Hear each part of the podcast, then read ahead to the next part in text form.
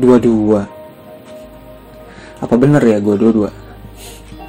Gila. Tua banget sih. Topik yang akhir-akhir ini bersemayam dalam pikiran gue sih. Cita-cita dan realita saling ngeduluin satu sama lain. Dan kadang tertulis kewajiban, kewajiban mainstream yang saling bermunculan. Kalau kata dosen, cepet lulus kamu, cum ya. Kata orang tua, jangan lupa cari kerja. Kalau kata Camer, kapan nih mau nikahin anak gue?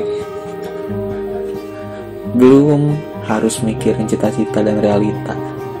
Keuangan yang harus gue petain dari sekarang.